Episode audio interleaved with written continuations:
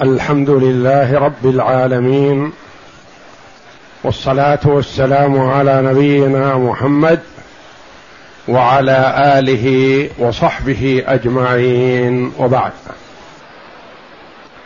تقدم لنا الكلام على شيء من قسمة التركات وأن التركة نوعان. مما يمكن قسمته بالعد. كالدراهم والدنانير والمكيلات والموزونات والمعدودات والمذروعات المتساوية. هذه تقسم بالعد. ومنها ما لا يمكن قسمته بالعد كالبيوت والأراضي والسيارات والدكاكين والأمتعة ونحو ذلك مما ليس بمعدود أو معدود لكنه يختلف كبهيمة الأنعام مثلا. معدودة الشياه والإبل والبقر والغنم لكن شاة تساوي تباع بمئتي ريال. وشاة تباع بألف ريال. فهي معدودة لكنها متفاوتة. هذه تقسم التركة من حيث هي لها طرق في قسمتها. الطريق الأولى التي أخذناها في الأسبوع الماضي هي طريقة النسبة. يعني تنظر نسبة سهامه لأصل المسألة فتعطيه من التركة بقدر هذه النسبة.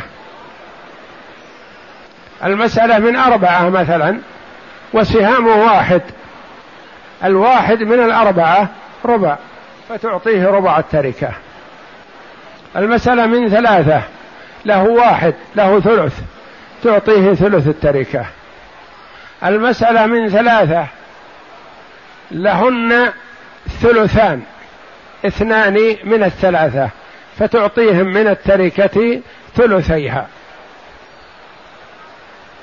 المسألة من اثني عشر وسهامه ثلاثة. ثلاثة من اثني عشر نسبتها الربع فتعطيه ربع التركة. له ثلاثة. والمسألة من ثمانية عشر. صحت. صحت من ثمانية عشر. نسبة الثلاثة للثمانية عشر السدس فتعطيه سدس التركة. له أربعة من أربعة وعشرين. نسبة الأربعة للأربعة والعشرين السدس تعطيه من التركة السدس. له ستة من أربعة وعشرين. تعطيه الربع لأن الستة بالنسبة للأربع والعشرين ربع فتعطيه من التركة ربع.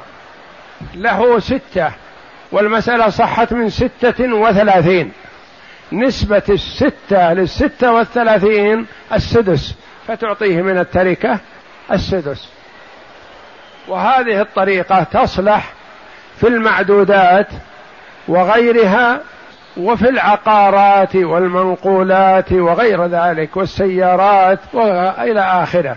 يكون له نسبة السدس له الربع له نصف السدس له ثلث السدس وهكذا. اليوم نأخذ طريقة ثانية. وهي طريقة سهلة بحمد الله. إذا انتبه لها انتبه لها الطالب. وهي أن تقسم التركة على مصح المسألة أو أصلها. والناتج يكون بمثابة جزء السهم. فتنظر سهامه من المسألة تضربها في هذا الناتج الذي هو جزء السهم. وما خرج فهو له. مثلا المسألة صحت من اثني عشر والوارث له ثلاثة من اثني عشر والتركة أربعون ألف. مثلا تقسم الأربعين الألف الذي نسميه العدد الرابع على العدد الثاني الذي هو مصح المسألة. والناتج تضربه في العدد الأول الذي هو نصيب الوارث من هذه المسألة. تقسم الأربعين على الاثنى عشر والناتج من هذه القسمة تضربه في الثلاثة فيأخذه الوارث. المسألة صحت مثلا من ست وثلاثين صححت حتى وصلت ست وثلاثين. والتركة اثنان وسبعون ألف مثلا. تقسم الستة والثلاثين تقسم الاثنين والسبعين على الستة والثلاثين. مثلا اثنين وسبعين ألف نقسمها على ست وثلاثين كم يخرج؟ ألفان. نتيجة القسمة. له الربع. هو من هذه المسألة. مثلا ستة وثلاثين ربعها كم؟ تسعة. التسعة تضربها في الناتج الذي هو الألفين يكون نصيب هذا الوارث تسعة في ألفين بثمانية عشر ألف. نقلل العدد أوضح. المسألة من أربعة. فيها زوج له الربع وله ثلاثة أبناء لكل واحد واحد والتركة أربعون ريال. آه نذهب إلى الآلاف. ما هي الطريقة؟ المسألة من أربعة. والورثة أربعة. لكل واحد واحد والتركة أربعون ريال. المهم أن نعرف الطريقة وسواء كانت التركة أربعة ريالات أو أربعمائة مليون. الطريقة العمل واحد إلا أنه كلما قل العدد يكون أيسر وإلا هي الطريقة. نقسم التركة التي هي أربعون. على مصح المسألة الذي هو أربعة. كم ينتج؟ عشرة. قسمنا أربعين على أربعة الناتج عشرة.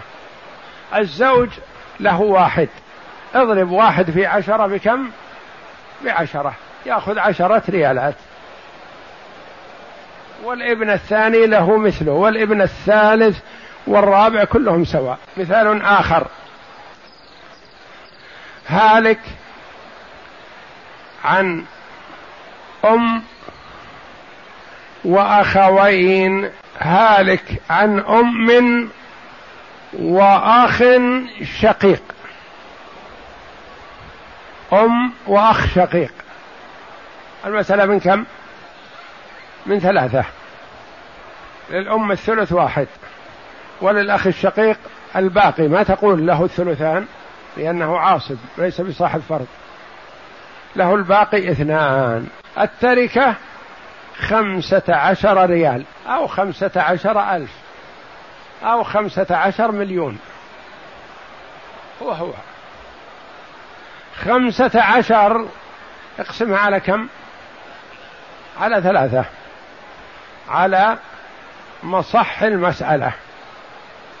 خمسة عشر. على ثلاثة فيها الناتج خمسة. للأم كم؟ واحد. اضربها في الناتج القسمة الذي جعلناه بمثابة جزء السهم. واحد في خمسة لها خمسة ريالات. للأخ الشقيق له اثنان. في خمسة بعشرة صحت للأم خمسة وللأخ الشقيق عشرة هذه خمسة عشر. هالك عن جدة وعم. المسألة من كم؟ من ستة. للجدة السدس واحد وللعم الباقي تعصيبها خمسة. التركة ستة آلاف. اقسم الستة الآلاف على مصح المسألة ستة يكون جزء السهم بمثابة ألف.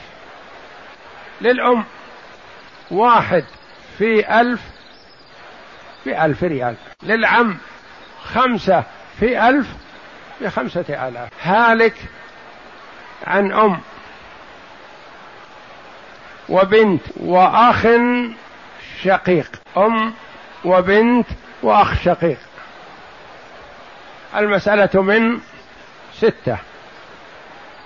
للأم السدس واحد لوجود الفرع الوارث.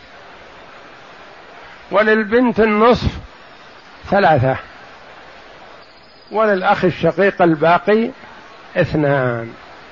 المسألة من ستة ومنقسمة عليهم. والتركة اثنا عشر ريال. ما هو طريقة العمل؟ نقسم الاثنى عشر على الستة. يكون الناتج اثنان. هذه نسميها بمثابة جزء السهم للأم. واحد في اثنين باثنين. وللبنت ثلاثة في اثنين بستة. وللأخ الشقيق اثنان في اثنين بأربعة. نحصيها. نجد الأم أخذت اثنين والأخ الشقيق أخذ أربعة هذه ستة والبنت أخذت ستة هذه اثنى عشر. الطريقة هذه باختصار أن نقسم التركة على مصح المسألة. والناتج بمثابة جزء السهم. فمن له شيء من المسألة أخذه مضروبا في هذا الذي فرضناه جزء الساهم. أو تقول بعبارة أخرى نقسم العدد الرابع على العدد الثاني والناتج نضربه في نصيب الوارث فيكون نصيبه من التركة. هذه الطريقة تلي تلك في السهولة واليسر. تقسم التركة على مصح المسألة والناتج تضربه في نصيب الوارث من المسألة. له من المسألة واحد له اثنان له خمسة له عشرة تضربه بهذا الناتج. عندي مسألتان. نحلها الآن إن شاء الله كنموذج. حلوها في الدفتر. ثم يليها مسائل حسب ما يتسع.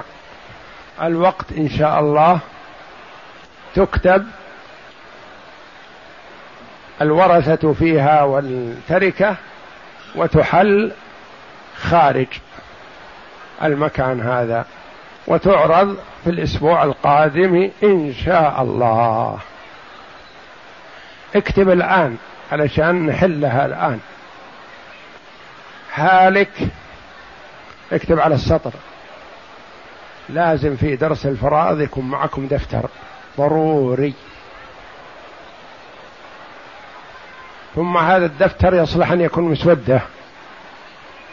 تكتب فيه ويكون فيه غلط ومسح وتصحيح وكذا إلى آخره. فإذا ثبتت المسألة تنقلها في دفتر آخر يكون مرجع لك بإذن الله.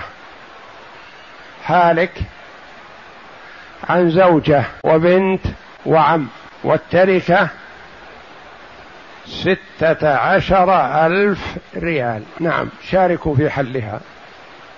أولا جدول الورثة زوجة بنت عم. المسألة من ثمانية للزوجة الثمن واحد وللبنت النصف أربعة وللعم الباقي ثلاثة. انتهت المسألة والحمد لله. التركة ستة عشر ألف. على ماذا نقسم التركة؟ التركة ستة عشر. تقسم على أي شيء؟ على أصل المسألة على الثمانية. نقسم ستة عشر على ثمانية. يكون الناتج ألفان الزوجة لها واحد من الثمانية. في ألفين بكم؟ بألفين البنت لها أربعة في المسألة. مضروبة في ألفين بثمانية آلاف. العم له ثلاثة في ألفين بستة آلاف. نجمع الأجزاء في التركة. ألفان وثمانية آلاف عشرة وستة آلاف ستة عشر. صحت. الإيضاح إن أردت أن تكتبه. قسمنا التركة ستة عشر. على مصح المسألة ثمانية. فخرج ألفان فضربنا نصيب كل وارث في نتيجة القسمة ألفين. فصار للزوجة ألفان وللبنت ثمانية آلاف وللعم ستة آلاف. مثال آخر هالك عن جدة وأخت شقيقة وأخت لأب وأخت لأم. أعيد. هالك عن جدة. وأخت شقيقة. وأخت لأب وأخت لأم. والتركة خمسة عشر ألف. نجدول الورثة. جدة أخت شقيقة أخت لأب أخت لأم. هالك أكرر. عن جدة. وأخت شقيقة وأخت لأب وأخت لأم. المسألة من كم؟ من ستة. للجدة السدس واحد. والأخت الشقيقة النصف ثلاثة. والأخت لأب السدس تكملة الثلثين. والأخت لأم السدس. هذه ستة. هذه مصح المسألة. التركة خمسة عشر ألف.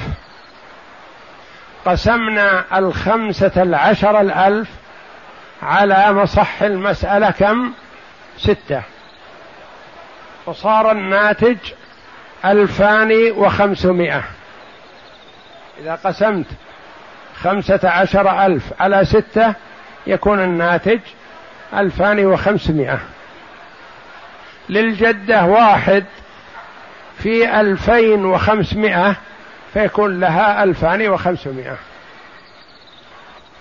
للأخت الشقيقة ثلاثة في ألفين وخمسمائة يكون لها سبعة آلاف وخمسمائة ريال. للأخت لأب واحد في ألفين وخمسمائة بألفين وخمسمائة. للأخت لأم. واحد في ألفين وخمسمائة بألفين وخمسمائة. اجمع التركة. ألفان وخمسمائة وألفان وخمسمائة خمسة آلاف. وسبعة خمسة وسبعة وسبعة وخمسمائة اثنى عشر ألف وخمسمائة. وألفان وخمسمائة للجدة خمسة عشر ألف. إذا تطابق هذا مع العدد الأعلى فالمسألة صحيحة وإلا فهي خطأ. الإيضاح تحت هذا مثل السابقة. قسمنا التركة على المسألة فخرج ألفان وخمسمائة. فضربنا نصيب كل وارث في الخارج فصار لكل واحد منهم نصيبه من التركة. هذه محلولة. حللتموها. اكتب هذه المسائل. هذه اكتبها مسائل ولا تجدولها الآن. اكتبها وتصحيحها فيما بعد. هالك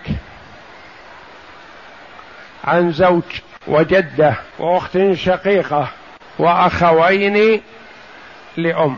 والتركة ستة وثلاثون ألفا.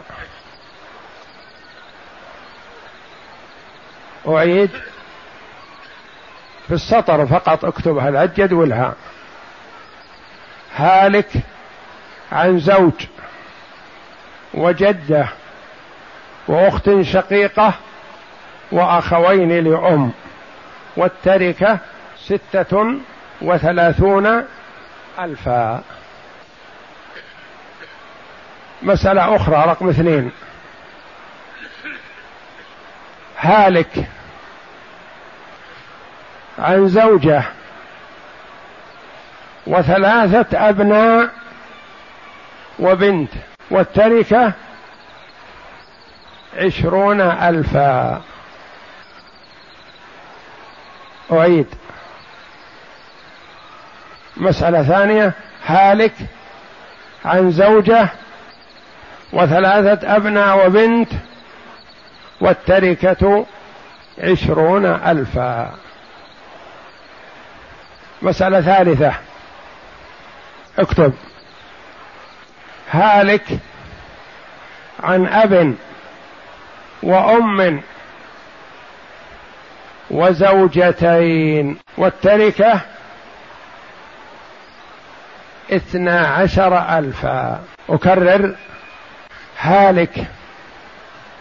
كتبنا المسألة الثالثة عن أب وأم وزوجتين والتركة اثنا عشر ألفا. المسألة الرابعة هالك عن زوج وأم وابني أخ شقيق. هالك عن زوج وأم وابني أخ شقيق.